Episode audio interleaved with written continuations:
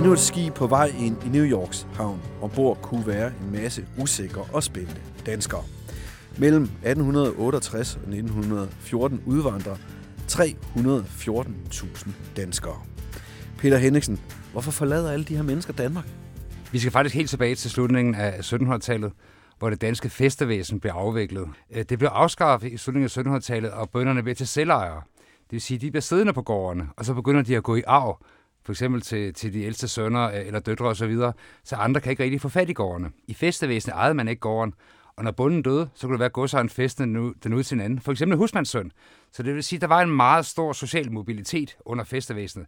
Den forsvinder fuldstændig i 1800-tallet. Det vil sige, at bønderne blev siddende på gårdene, og nu det er deres egne. Forbedrer de dem, de bliver bedre og bedre, de kommer mere til muffen, tjener flere penge, så bliver rigere og rigere, og det bliver sværere og sværere at få fat på en gård.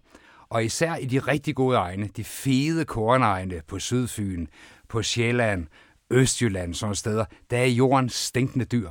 Så det vil sige, du kan som en fattig husmandssøn aldrig nogensinde arbejde dig op. Så man har simpelthen no future, hvis man er en husmandssøn i 1800-tallet.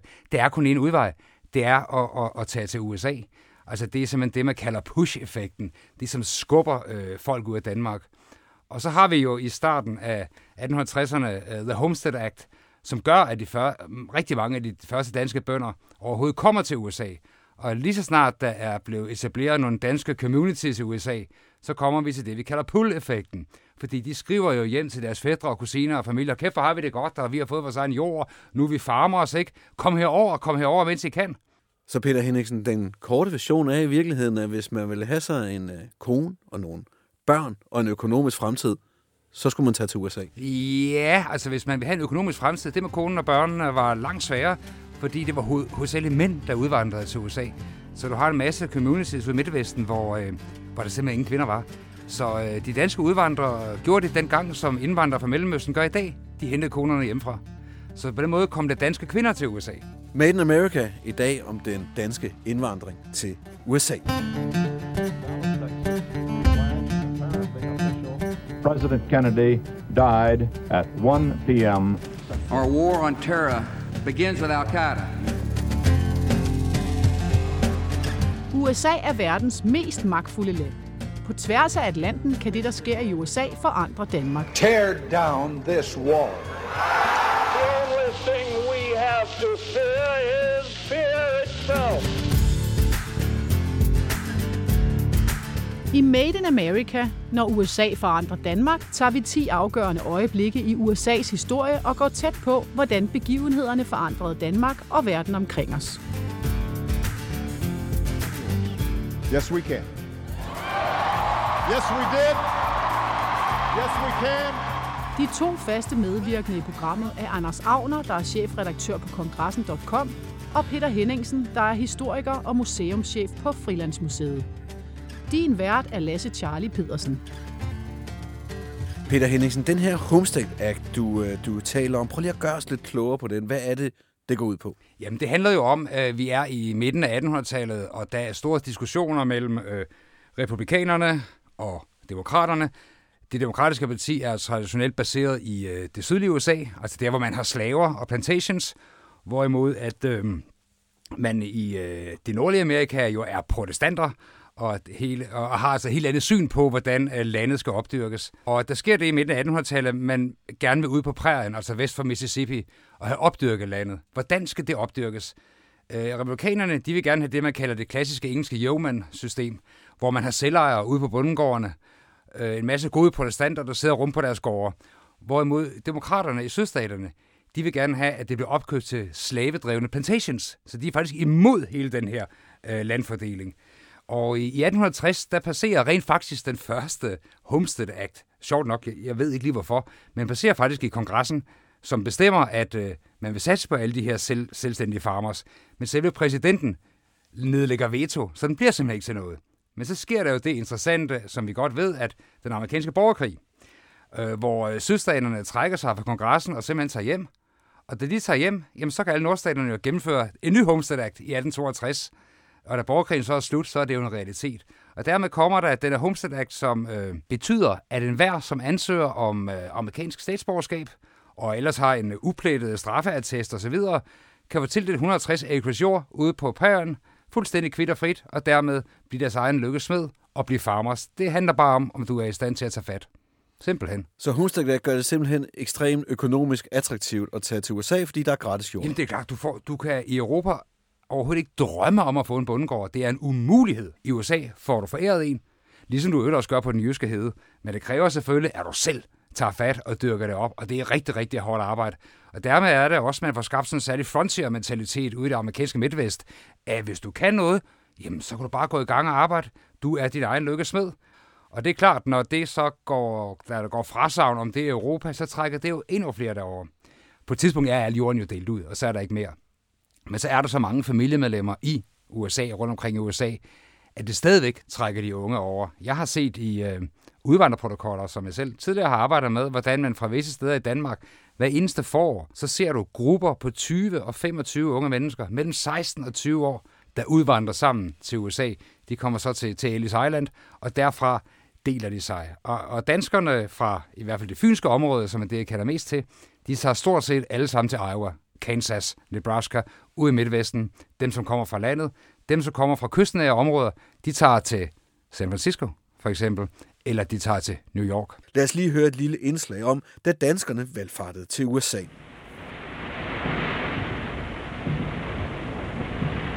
Mellem 1865 og 1914 udvandrede ca. 300.000 danskere til USA.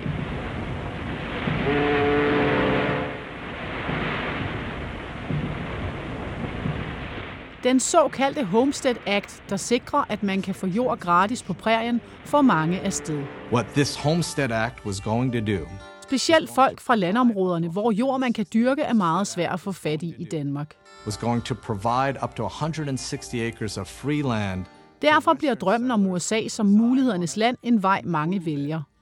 Med sparsom oppakning på en lang tur med skib over Atlanten. Her gik man i land på Ellis Island ved New York, før man fik lov til at rejse videre. De fleste danskere endte ude på prærien i stater som eksempelvis Minnesota, Wyoming, Nebraska og Kansas. Anders Savner, enhver dansker har på en eller anden måde en øh, udvandrerhistorie. Der er i hvert fald mange danskere, som har familiemedlemmer, der kommer til, øh, til USA, fordi det netop er så, så mange, mange mennesker. Du fortalte, inden vi gik i gang her, det har du også. Det har jeg også. Øh, Jeg har stået på Ellis Island og fundet øh, min oldefars øh, to ældre brødre, Jens og Rasmus Petersen, som øh, tog fra Ærø med fire års mellemrum. Jens var øh, afsted i 1908 og øh, kom så tilbage nogle år efter, men i 1912 tog ham, der hed Rasmus afsted. Han uddannede maler, og øh, det er fuldstændig som Peter han siger, jamen, han endte i Midtvesten. Han, øh, han slog sig ned i Chicago og boede der helt frem til, øh, til han døde i, i midten af 70'erne. Og det er, øh, det er jo den type af historie. Altså, det er, det er jo pudsigt, du nævner det, Anders, fordi at hele min familie udvandrede jo faktisk også til USA, og de kommer sammen også fra Ærø. Ja. Jamen, altså, der, nu, nu, nu er det så, at det bliver spændende i studiet. Og nu er det så, at det bliver rigtig, rigtig familiær, fordi en god del af min familie udvandrede så også. Men de kommer ikke fra Ærø. De kommer fra Svendborg. Ah, det er jo næsten det samme. Det er det. Nå, Anders Havner. Jamen, det er jo klart, altså, at vi jo har de her historier bare her i studiet. Det er jo ganske repræsentativt, fordi det er jo sådan, de fleste danskere har det. Altså, hvis ikke vi har det i vores primære familie, så har vi det i hvert fald ude i vores perifære familie, fordi det er så mange mennesker, det drejer sig om, der udvandrer. Og det er klart, det gør også, at øh, den her øh, jeg sige, særlige tilknytning, der er mellem Danmark og USA, det er i hvert fald også den, der sidenhen bliver fremhævet ganske ofte. Og når man snakker om de her fire julefester, der bliver holdt i Danmark den dag i dag, øh, vi har selv på kongressens side øh, været med til at holde dem øh, to gange inde i Søndermarken på Frederiksberg, øh, både i 2015 og 2016, ved siden af det, der hedder Mindehøjen, og det er jo noget, der er etableret for at mindes de danske udvandrere. Den er åben den ene dag om året, det er den 4. juli. Et lille tip til lytterne, når det bliver den 4. juli næste gang, så tag lige et smut forbi øh, Søndermarken inde på Frederiksberg, for det er faktisk utrolig spændende at opleve øh, Mindehøjen. Men det er jo klart, den her type af historie, det er også det, der gør, at de her udvandrerfortællinger bliver ved med at fascinere os, fordi det er jo sådan lidt, hvad jeg sige, nu svarede Peter øh, en lidt længere øh, intro omkring, hvad det her egentlig går ud på. Det gør virkelig kose ned til det, som også blev titlen på Ole Sønningsens første bog om udvandrerne, den der bare hedder Drømmen om et nyt liv. Det er jo i virkeligheden den måde, man ser det her som dansk udvandrer. Altså mine oldefars øh, to brødre, som, øh, som tog afsted, Jamen, det var ikke, fordi der var nogen af dem, der sådan var lige på nippet til at slå igennem som Danmarks næste statsminister, øh, eller i den øh, kontekst, eller nu vi er nede i det sydfynske, sådan stod for at skulle være dem, der måske kunne have presset øh, det, der blev til AP Møller Mærsk øh, sidenhen i forhold til shipping. De tog afsted, fordi de kunne se, at der var nogle muligheder, de måske ellers ikke rigtig kunne få herhjemme, og, øh, og det er der jo rigtig mange af de danske udvandrerhistorier, som, øh, som er personificeret ved. Hvad er det nu, nu, nu snakker I om, at de begge to, de lander egentlig, mange af de her danske udvandrere, de lander det samme sted. Altså, du siger godt nok, der er nogen, der lander Ja, på... men, på men jeg kan jo prøve at gribe tilbage i den her familiehistorie, Mm. nu, nu vi er ved det. Øhm, og det er min farfars ældste bror, udvandret til Iowa i 1886 faktisk. Det gjorde han, fordi der allerede var nogen øh, på det tidspunkt i Iowa. De var kommet fra Australien, fordi de havde nede ved Gold Rush. Mm. Og så er de slået sig ned ved at bygge jernbaner og, og så videre over i Iowa. Og da så hans ældste bror kommer derover, og han, tjener godt. Jeg ved ikke, om han arbejder ved jernbanerne i starten, men han tjener i hvert fald penge og skriver breve hjem. Og det betyder så, at han faktisk også sender penge hjem. Han sender faktisk billetten til min egen farfar, som ifølge familiehistorien kun tager det over for at slippe for at være soldat, for det vil han ikke. Så han vil over i seks år og slippe for at være soldat. Det skal ikke er, at han var der også i seks år øh, og kom så hjem igen. Så måske var det det, der var begrundelsen. Og alle hans brødre og søstre, de tog også med derover. Og de blev, øh, hovedparten, de blev så derover. Men det var ikke bare hans søstre, det var også hans fædre og kusiner. Det var dem alle sammen, ikke? Så man ser sådan hele familier, der faktisk... Det er hele familier, og fak- faktisk mine egne oldeforældre. Hvis min farfar ikke var kommet hjem igen, så var de inde på fattigården, for alle deres børn var taget til Amerika. Det er meget sjovt, fordi Ted Sorensen, som øh, folk øh, kan huske måske, vi snakkede om i et andet program, det der handlede om John F. Du Kennedy. snakker altid om Ted Sorensen, så det giver helt lidt sig selv. Jamen prøv at høre en gang. Man, når, når man nu ser, møder en hedersmand, som jeg jo havde fornøjelsen af at gøre tilbage i 2010, så er der også grund til at fremhæve om. Men Sorensen efternavnet er jo dansk klinge, fordi det er Sørensen-familien, der i sin tid udvandrede fra Mors øh, til, øh, ja, til Midtvesten. De er så i Nebraska. Men det interessante det er, at i forlængelse af Peters pointe her, at det er faktisk, øh, altså han er efterkommer af danske udvandrere, men de øh, bedsteforældre, han har, mødes faktisk i USA på tværs af udvandrerfamilier. Det så man meget af også øh, i, i forbindelse med den danske udvandring, at danskerne ligesom samlede sig selv i danskere enklaver, fordi det er klart, at i første omgang også en sproglig barriere, så måtte vi ligesom bygge ting op sammen på baggrund af, så kan vi det mindste tale dansk sammen, mens vi også prøver at tillære os øh, det nye sprog og det nye land og den nye kultur. Men det sker i høj grad, og det skete så også i tilfældet med, med Sørensen-familien, der så blev til Sørensen. Vi skal høre fra Ole Sønneksen, der har skrevet flere bøger om den danske udvandring til USA. Jeg har spurgt ham om, hvorfor danskerne endte netop i det nordlige Midtvesten, og hvad de kom til at betyde. Dels fordi, at det var der, man kunne tage gratis jord. Altså man skal jo forestille sig, at Amerikakort, der udvikler sig fra de to kyster. Det vil sige, der bebyggede man først, og så til sidst endte man jo, hvis man kom sent nok inde på prærien, hvor der stadigvæk var gratis jord. Så det var jo sådan en, en fornuftsting. Det var oplagt at til dagen, hvor jorden var gratis. Samtidig, så ud af de 350.000 danskere, der udvandrer mellem 1850 og 1920, så de 70 procent af dem var landarbejdere, altså folk fra landet. Og folk fra landet, det de kunne, var jo at arbejde på landet. Så de skulle derud, kan man sige, hvor der var landbrugsjord. Det er simpelthen det, du får job, men så er der også det, de finder ud af i Iowa. Især når du kommer ned i det sydvestlige hjørne i Shelby og Audubon County, hvor du har Elkhorn og Kimballton. Det ligner Fyn. Ganske enkelt. Det er bakket, og det er sådan dansk, og der står de sig simpelthen ned.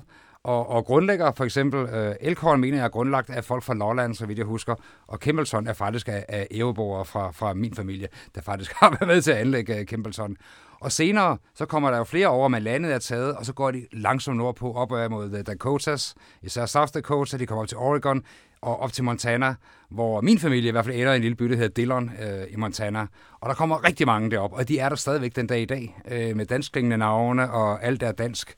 Jeg tror ikke, de taler dansk mere, men der er en meget levende arv, sådan et sted som øh, Dillon i Montana. Men det er også derfor, at øh, man den dag i dag kan se, øh, når man er i Iowa, det er jo der, det danske udvandrerarkiv ligger. Det ligger jo simpelthen i Iowa, ja. og, øh, og det er øh, en af de vel nok vigtigste øh, steder, man overhovedet kan, kan tage hen i forhold til at forstå den danske udvandrerhistorik, øh, når man er i USA. Hvad er det så for et samfund, de skaber der? Jamen, det er jo en af de interessante, for hvis vi ser på, og det kan vi også se i dag, hvem er det, der udvandrer fra et land? Det er aldrig de svage stakler. Det er aldrig de initiativløse. Det er aldrig de dogne. Det er de driftige. Det er dem, der vil, vil selv. Det er ofte dem, som øh, har svært ved at leve med autoriteter. Dem, som vil ud og, og skabe sig selv. Ikke? Og det ser du også i udvandrerbølgen. Alle, vil jeg våge påstå, de folk, der udvandrer fra Danmark og alle andre europæiske lande i denne periode, det er de driftige. Så i virkeligheden sker der et kæmpe dræn er driftige mennesker fra den europæiske befolkning, og det er dem, der skaber det moderne USA. Og den kultur, vi kender i dag med The Self-Made Man, og du er din egen lykkesmed, og vi skal ikke have socialhjælp, og vi skal have en svag stat, osv. Hele det, vi i dag forbinder med det klassiske amerikanske, det er faktisk en typisk iværksættermentalitet, og det er også dem, der udvandrer, så det er ikke særlig mærkeligt. I modsætning til for eksempel sådan noget som Australien, der er du straffefanger. De har en helt anden mentalitet. Den kan du også spore i Australien i dag. Hvis du tager New Zealand, så var det især folk fra The Anglican Church, der udvandrede. Det var en belønning. Det ser du også i dag øh, på New Zealand. Det er en helt anden kultur, end du finder i Australien. Så du kan spore de der gamle træk fra udvandrerne den dag i dag. Men når du siger, at man kan spore de gamle træk øh, fra udvandrerne i dag, noget af det, der vel er lidt særligt for den, altså jeg ved godt, den danske udvandring, det er vel, hvor, hvor stærkt kulturelt træder den igennem i USA? Altså det, de bliver vel forholdsvis hurtigt bare amerikanere? Jamen, der sker jo det med, især med skandinaverne, at de bliver ikke bare integreret, de bliver lynhurtigt assimileret. Øh, og de øh, oprindelige skandinaviske træk forsvinder faktisk meget, meget hurtigt hvor andre grupper, måske tyskere har det med at holde lidt mere sammen, og italienere, ja, italienerne, og, og, irerne, det er sådan noget, man virkelig ser. Ja, og så har du østkystjøderne, de kan have mange nationaliteter mm. selvfølgelig. Altså man har jo ikke set, en, øh, jeg, kan, jeg kan i hvert fald ikke huske sådan en moderne Hollywood-film om, om den, øh, der foregår i den danske, det danske mindretal. Nej, men det er jo fordi, de, er, de gifter sig lynhurtigt med hinanden, mm. med tyskere, med øh, tjekker og med alle mulige mærkelige. Ikke? Altså, det kan jeg jo se, når jeg også har gået ind og kigget i min egen øh, slægtshistorie. Øh, historie. Jamen, det er jo kun den første generation, hvor de giftede sig med danskere. Enten hentet hjemmefra eller fra andre udvandrerfamilier. Derefter, jamen, så giftede de sig med tyskere og serbere og alle mulige andre. Og så forsvinder de her træk, og de taler så heller ikke dansk med deres børn, og så forsvinder sproget, og når sproget forsvinder, forsvinder kulturen. Det er meget banalt. Jamen det er meget skidt, fordi altså, der er jo ikke sådan tradition for, altså for eksempel, hvis du tager den irske udvandrerbølge, altså så holder man jo den dag, det er stadig store St. Patrick's mm. dag fester, og du holder ikke grundlovsfester. Altså, det er jo ikke sådan, at den 5. juni er en, en stor dag. Du holder Tivoli-fest i Elkhorn. Jo jo, men øh, prøv, altså, prøv, prøv, prøv, vis, vi, og, og, og æbleskiver. Ja. Vis mig andre steder end i Elkhorn i USA, hvor de gør det. Men det, der bare er, er bemærkelsesværdigt her, det er, at selvom det forsvinder, og selvom det ikke bliver lige så tydeligt i, i, i sådan den amerikanske kultur, den amerikanske hverdag, så tror jeg ikke, man skal tage fejl af alligevel, at, øh, at efterkommerne af, af danske udvandrere stadig øh, øh, var, var stolte af det, er stolte af det, og gerne også vil fortælle historien. Altså, jeg kan da huske nu her, så sent som for hvad det, en måneds tid siden, jeg tit, sidst talte med, med Ted Sorensens datter, Julia Sorensen, som i øvrigt også nu bor i Chicago, apropos, jamen, øh, som hun fortalte, de havde da været tilbage i, øh, i forhold til, øh, til hans ophav på Mors. De havde besøgt stedet, det er hele tiden det der med, at det er Sorens søn, det er ikke Sorens søn. Altså han sagde det sågar til mig, da jeg sad med ham, så sagde han, jeg var helt sikker på, at det ville blive stadig forkert, når han en dag døde, ville der stå med S-O-N i hans nekrolog i New York Times, så kigger han på mig, like I was some kind of Norwegian. Altså, det var altså virkelig forkert, ikke? Nu var han, nu var han en dansk oprindelse og så videre. Og i øvrigt meget skægt, det hun fortalte mig, Julia Sorensens, han, hans, hans datter, det var, jamen, det bedste kompliment, du kunne få fra ham, det var tydeligvis, at øh, han kom fra den del af Danmark, hvor janteloven fra. For det bedste kompliment, hendes far nogensinde kunne finde på at give, det var not bad. Men hvis man, hvis man, inden vi hopper tilbage til, til Danmark, hvis man skal pege på noget af de her, det, jeg synes bare, det er enormt mange mennesker, 314.000 mennesker. Hvis man skal pege på et kulturelt aftryk, de så sætter sig i USA, hvad vil, hvad vil det så være? Altså en af de ting, som øh, jeg ved i hvert fald, og det er sådan noget, amerikanerne har det med at blive ganske, ganske gnævne over, når de finder ud af, og det er også noget af det, der bliver diskuteret ganske hæftigt, jamen det er faktisk, at det er en dansker, der opfinder burgeren. det er en dansk udvandrer, der opfinder burgeren. Et af de største amerikanske symboler, og det er... Øh, jeg kan huske, at jeg talte uh, øh, Ole Sønningsen, som jo har skrevet de her fantastiske udvandrerbøger, er en af mine, øh, mine gode venner gennem mange år. Jeg husker, at han fortalte mig historien første gang. Jeg var simpelthen ved at falde ned og stå. Jeg anede det simpelthen ikke. Den lange historie kort, det er jo, at det er en, en dansk udvandrer, som i sin tid opfinder burgeren. Og den lille restaurant, hvor det her øh, øh, kæmpe fænomen, som det jo så bliver, starter, jamen den er den dag i dag, den, den ligger i, øh, i Connecticut, og, og den er stadigvæk, jeg tror det er femte generation nu, fra familien, der driver den her restaurant, hvor den her danske udvandrer i sin tid øh, opfandt burgeren. Det er, øh, det er en fantastisk historie. Det er jo sådan en af de der, vil sige, det er en lille detalje, men det er alligevel noget, der... Og, øh, hvorfor en hamburgeren? Ja, jo, det er da meget stærkt. Ikke? Øh, og, øh, vi er mange, der siger tak. Ja, vi, især om lørdagen. Nå, vi vender lige fokus tilbage mod øh, Danmark, for vi snakker om det her med, at der er 314.000 øh, mennesker, der forlader Danmark, registreret, som du har forklaret mig, fra 1868 til 1900, 1914. Det burde jo påvirke et samfund rimelig meget, at 314.000, og du siger, at det er ovenikøbet de dygtigste og de stærkeste og de mest agerige, der forlader landet. Hvilke aftryk sætter det sig i Danmark? Ja, se, det er jo interessant, fordi hvis man går tilbage til øh, slut af 1800-tallet, så diskuterer man jo også meget af det her, om det virkelig var i orden, at, at danskerne bare forlod deres land, og det var, jo, det var også svenskerne især, der var jo endnu flere svenskere, der tog afsted, hvor man også diskuterede det. Men det var man egentlig enige om, at det var en god idé, fordi så startede man for et fattigdomsproblem. Man eksporterede jo fattigdomsproblemet til USA, men man, man eksporterede jo også straffefanger til USA. De fik en billet, så kan I tage til USA. Så startede vi for at føde på dem. Så var man simpelthen af med alle de her besværlige elementer. Man så ikke på dem som en slags ressource. Det var en overskuds produktion, en overskudsbefolkning, der ellers ville lægge sovnerådet til last med fattighjælp øh, og så videre og så videre. Og husband fik jo rigtig mange børn, ikke? 10 og 11 børn og så videre. Ikke? Det vil man faktisk gerne af med. Øh, så man så det egentlig som en stor hjælp, at man står af med et fattigdomsproblem. Og ser vi så på, øh, hvilken indflydelse har det haft herhjemme, så er det faktisk svært at få øje på, at det sådan rent socialt og økonomisk betød det jo ikke noget. Man slap faktisk af med et fattigdomsproblem. Og så skabte det selvfølgelig en masse familiemæssige relationer, der har gjort, at igennem det 20. århundrede har danskere og amerikanere kunne skrive sammen, ikke? Og, og senere ringe sammen, og man har noget familiært. Men kommer der ikke en, kan man sige, en kulturel øh, eksport den anden vej? Nu kan man sige, at danskerne tog noget kultur med til USA. De bliver så hurtigt assimileret, som du siger. Men... Altså, man forsøgte rent faktisk, øh, fordi til, øh, man, øh, i starten af 1900-tallet, der anlagde man jo for eksempel nogle grundvigianske højskoler i Nebraska. Det var faktisk en fra min familie, der var med til at grundlægge Dana College i Nebraska. Øh, så man forsøgte øh, at, at gå den her vej. Hvor succesrigt det var, det, det ved jeg simpelthen. Nå, men jeg tænker på, kommer der ikke noget kulturel eksport den anden vej tilbage til Danmark? Eller, eller, de, eller de bliver bare altså, derovre? Mine onkel Bobby i Amerika, som han faktisk hed, han sendte jo slik til os tilbage i 70'erne, ikke? så man kan sige, at der kom der noget den vej. Og jeg arvede min øh, farfars Stetson cowboy hat, ikke? Så, så det... Anders Agner. Jeg synes godt, du kunne have taget på i studiet i dag, det havde, det havde lige givet et ekstra element.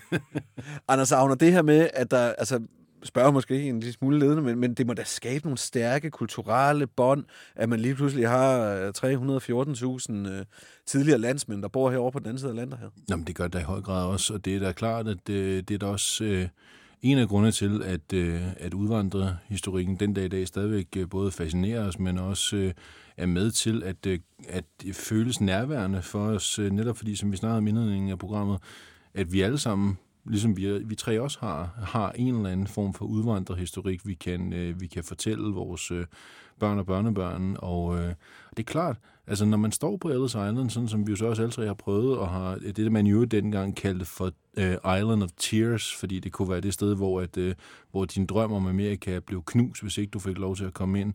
Jamen det er der noget særligt, at man står der og pludselig kan se, når der er, altså, øh, der er nogle af dine forfædre har stået her for 100 eller 150 år siden, og, øh, og tænkt, nu var det nu, nu var det, nu var det starten på, på det nye liv, nu var det jagten på lykke, som de virkelig øh, gik all in på, og øh, jeg synes, det er en, øh, en fantastisk historie, men jeg synes også, det er en historie, som øh, er vigtig at øh, blive ved med at huske på, fordi det er, det er for mig også en, en historie om, om mod og, og driftighed, og, øh, og det her med, at øh, hvis, man, øh, hvis man vil noget, så er man nødt til at gøre noget.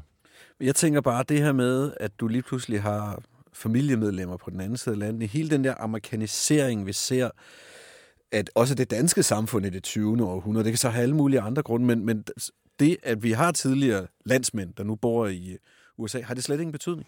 Altså, jeg, jeg tror ikke, du kan se så isoleret på det. Det, der har en betydning, det er, at amerikanerne kommer af europæere oprindeligt. Altså nu kommer de også af alt muligt andet, ikke? men det er jo klart, at det skaber en særlig tradition i USA for at have en nostalgisk følelse for Europa, det gamle land, moderlandet. Ikke? Det er jo ikke kun England, det er jo alle de europæiske lande.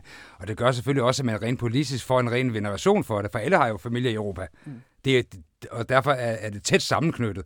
Og USA og Europa, vi er jo vant til, at det, det hører bare sammen. Det er to sider af samme sag. Ja, det er, sådan to, det, det er sådan to meget forskellige former af den samme kultur. Ja, og den amerikanske kultur var jo tidligere øh, meget udpræget en europæisk kultur, vesteuropæisk kultur. Ikke? Det er selvfølgelig stadigvæk mange steder, men, men det bliver mere øh, delt forskellige steder. Ikke? Nu har vi en stor latinamerikansk kultur over i, i Kalifornien og så videre. Det er jo ikke grundlæggende også en art europæisk kultur, øh, fordi den, den latinamerikanske kultur er jo fra Sydeuropa.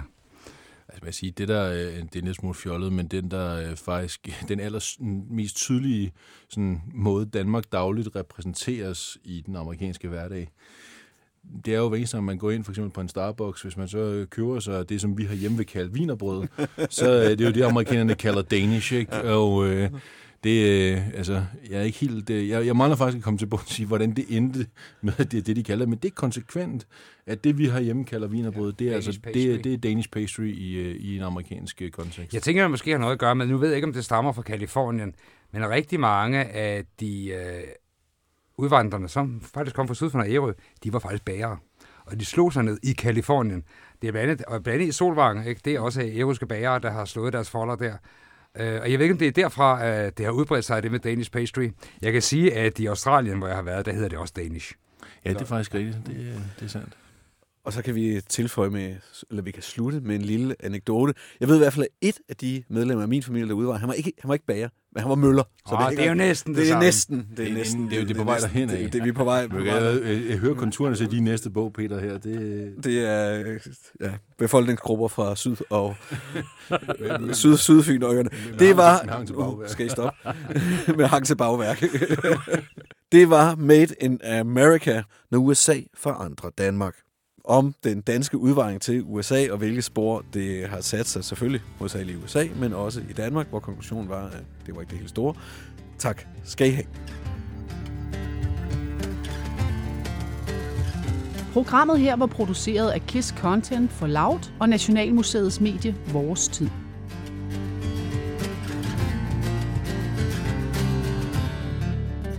Tilrettelægger og producer var Tom Carstensen, Christina Fabrin hedder jeg, og jeg har spikket. Lasse Charlie Pedersen var vært og redaktør.